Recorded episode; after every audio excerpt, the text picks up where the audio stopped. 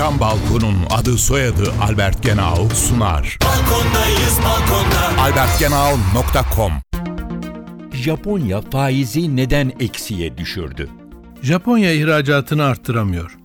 Buna karşılık Japonya'nın elektronik eşyada önde gelen rakibi konumundaki Çin, küresel krizin yaşandığı 2008 yılı sonrasında yaşadığı bir gerileme dışında ihracatını sürekli arttırıyor.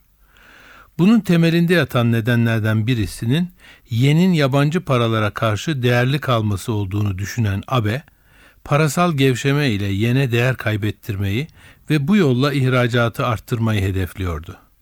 Ne var ki son dönemde özellikle Çin'in yuana değer kaybettirerek rekabet gücünü ve dolayısıyla ihracatını arttırmasıyla işler yine karıştı. Japon Merkez Bankası bu kez de faizi negatif düzeye düşürerek yenin daha fazla değer kaybına uğramasını sağladı. Böylece Japonya ihracat konusunda iki büyük rakibi konumundaki Çin ve Kore ile rekabette bir üstünlük sağlamış oluyor.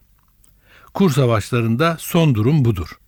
Görünüşte dalgalı kur sistemi uygulanıyor ve kimse kur üzerinden ötekine zarar veremiyor. Gerçekte ise herkes bir illüzyon ile kur savaşının içine girmiş bulunuyor. Japonya Başbakanı Abe kur ayarlamasını faiz illüzyonuyla yaptırdı. Bakalım diğerleri nasıl yapacak? Isı camlı cam balkon devrini başlatan Albert Genau sundu. Balkondayız balkonda. albertgenau.com